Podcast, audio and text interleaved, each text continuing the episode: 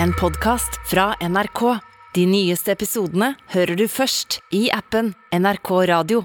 Iman Seiran Ates er sannsynligvis den sivile kvinnen i Europa med mest politibeskyttelse. Hun driver en liberal moské i Berlin, og hun kjemper for det hun kaller en seksuell revolusjon i islam. Norsk-tyrkiske Nefise Øskal Lorentzen har laget film om imam, imamen, og den er nå med i kampen om å bli Oscar-nominert. Herr Matze, Herr Malle, uh, can we offer you tea? Coffee? Wir haben hier Tassen, Tee wollten Sie, ne? Und Sie möchten Kaffee oder Tee? På hotell Bristol i Oslo møter jeg en dame i 50-årene som heter Seiran Ates. På bordene rundt oss sitter folk og drikker afternoon tea, helt uvitende om at det faktisk er fem politifolk i sivile klær til stede. To av de er tyske og har pistol i beltet. De passer på Ates døgnet rundt. Hun er imam og får jevnlig drapstrusler. Annet fordi hun ønsker en seksuell revolusjon i islam. Men hva er egentlig det? We need a kind of sexual revolution people have the right to practice uh, free and self-determinated sexuality. Men and women, everybody. Especially without the marriage thing. Why religion or religious authorities should have the right to decide uh, that people should not have sexuality before marriage. We can achieve that if we educate people, if we open uh, to talk about sexuality and morality, and if we teach that people have to accept that they don't have the right to decide about sexuality of others. Den omstridte imamen mener at det må bli aksept for sex før ekteskapet i islam, og at folk må få bestemme over sin egen seksualitet. Seiran Ates bor i Tyskland og er egentlig advokat. Gjennom jobben møtte hun mange kvinnelige muslimer hun opplevde ikke var frie. Det motiverte henne til å skrive en bok, og etter hvert starte en liberal moské i Berlin. Uh, the difference uh, between our mosque, called the liberal mosque, and the tra- traditional ones is that men and women are praying together in one room. And all genders have equal rights. So we open our doors for the LGBT community and we are into it. Det som skiller den liberale moskeen fra andre, er bl.a. at menn og kvinner ber side om side i samme rom, og uansett hva slags legning du har, er du velkommen i moskeen. Norsk-tyrkiske Nefise Øskal Lorentzen har laget film om Ates. I'm looking for the magic in my religion. We need reformation in Islam, but we cannot wait 500 years to do the steps. Dokumentaren er nå med i kampen om å bli nominert til Oscar. Jeg syns Seiran er en fantastisk uh, menneske. Så hun er en mission. Uh, hun gjør utrolig mye i verden, så målet mitt var å fortelle alle hva Seiran driver med. I tillegg til å kjempe om gjeve priser i USA, viser de filmen flere steder i Norge. Som f.eks. på øya Utsira, som også er kommunen i Norge med færrest folk. Eh, For meg er det ingen forskjell å vise filmen i LA eller New York eller Utsira eller Nesodden eller Lillehammer eller Oslo. For meg det handler om å vise filmen til publikum. Og hvis jeg viser filmen til fem stykker, eller hvis jeg viser filmen til 500 mennesker, det er det samme. For meg det handler om publikum, og publikum er det viktigste for meg. Reporter her, det var Torvald Askim.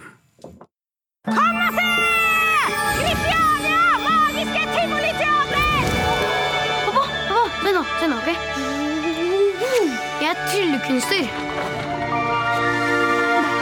Luka, vi trenger penger, vi. Da må du jobbe. Dette var litt lyd fra årets eh, nye julekalender fra NRK. Den heter altså Kristiania Magiske Tivoliteater. Og i denne juleserien så må en fattig gutt skaffe seg jobb for å få jula til å gå rundt i familien. Men egentlig så har han bare lyst til å bli magiker. Men det er jo ikke så mye penger å tjene på det. Sebastian Zalo, god morgen. God morgen. Du, Tidligere i år så ble du nominert til Spellemannpris for årets gjennombrudd eh, 2020. Og så har du vært med i NRK-serien eh, De neste. Og nå er du altså aktuell med musikk for denne nye julekalenderen. Hvordan har det vært å lage musikk til denne serien? Jo, det har vært et uh, privilegium, faktisk. Eh, når vi ble pitchet uh, ja, dette temaet som du akkurat nev nev nevnte, så var jeg sånn Yes! Det her er noe nordmenn trenger. Det er liksom har pleid å blitt uh, malt et bilde som er veldig sånn perfekt. da. Og jeg tror jo til og med folk som feirer, feirer, feirer jul, og folk som ikke liker å feire, feire jul, alle liksom føler litt på det presset at uh, ting skal være liksom perfekt i jula. La oss høre litt på musikken din. Ja, kjør.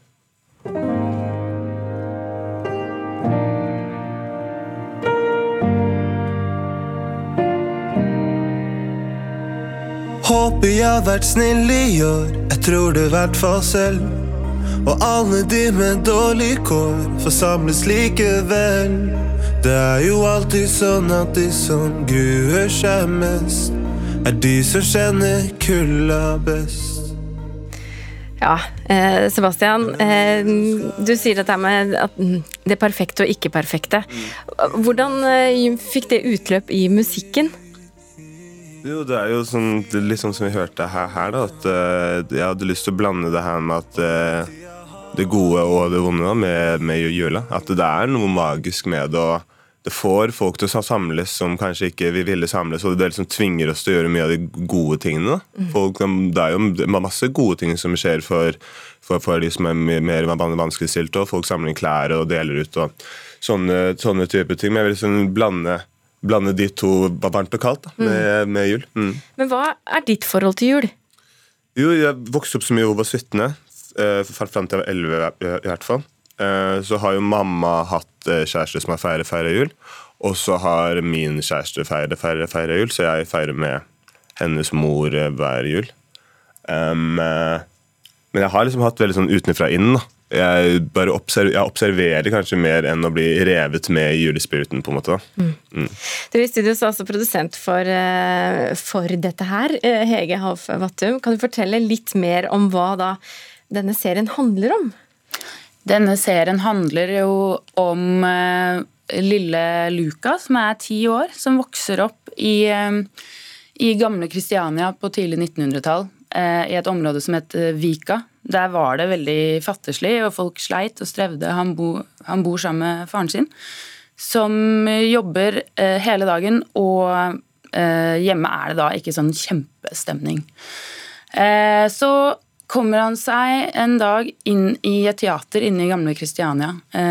og der finner han bare magien og teaterdrømmen, rett og slett. Det er, ja, det er satt tilbake i tid. Til en tid hvor ikke Oslo eller Kristiania da, var akkurat sånn som det er nå. Mm. Ja, Utdyp det litt mer. Nei, altså Det som er gøy, er at det bygger på et faktisk tivoliområde. Som fantes omtrent der hvor rådhuset ligger nå. Eh, og der var det Altså, det var en sånn eh, magisk stemning, en sånn Altså, alle, alle, som skriver om det, og alle man, som, som kan noe om det, forteller om en sånn Det var liksom store konserter og teaterforestillinger, og alle var, det var veldig sånn livsbejaende, selv om egentlig eh, tiden de levde i, var ganske vanskelig.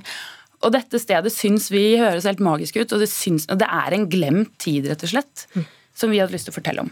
Men hva har da Kristiania Magiske Tivoliteater med jul å gjøre? Du, Masse, fordi at uh, den, den, handler jo veldig om den der å ta vare på hverandre. Liksom verne om hverandre, være en gjeng, da. Uh, som vi syns er kjerneverdier i jula. Og som også Sebastian skriver om i låta, så er det ofte folk som ikke har alt i verden, som, som gruer seg litt til jul, men her er det bare en gjeng som tar skikkelig vare på hverandre. Mm. Så det er mye julestemning i det som også ikke er julenisse og pakker. Og, ja. Har du fått sett serien, Sebastian? Nei.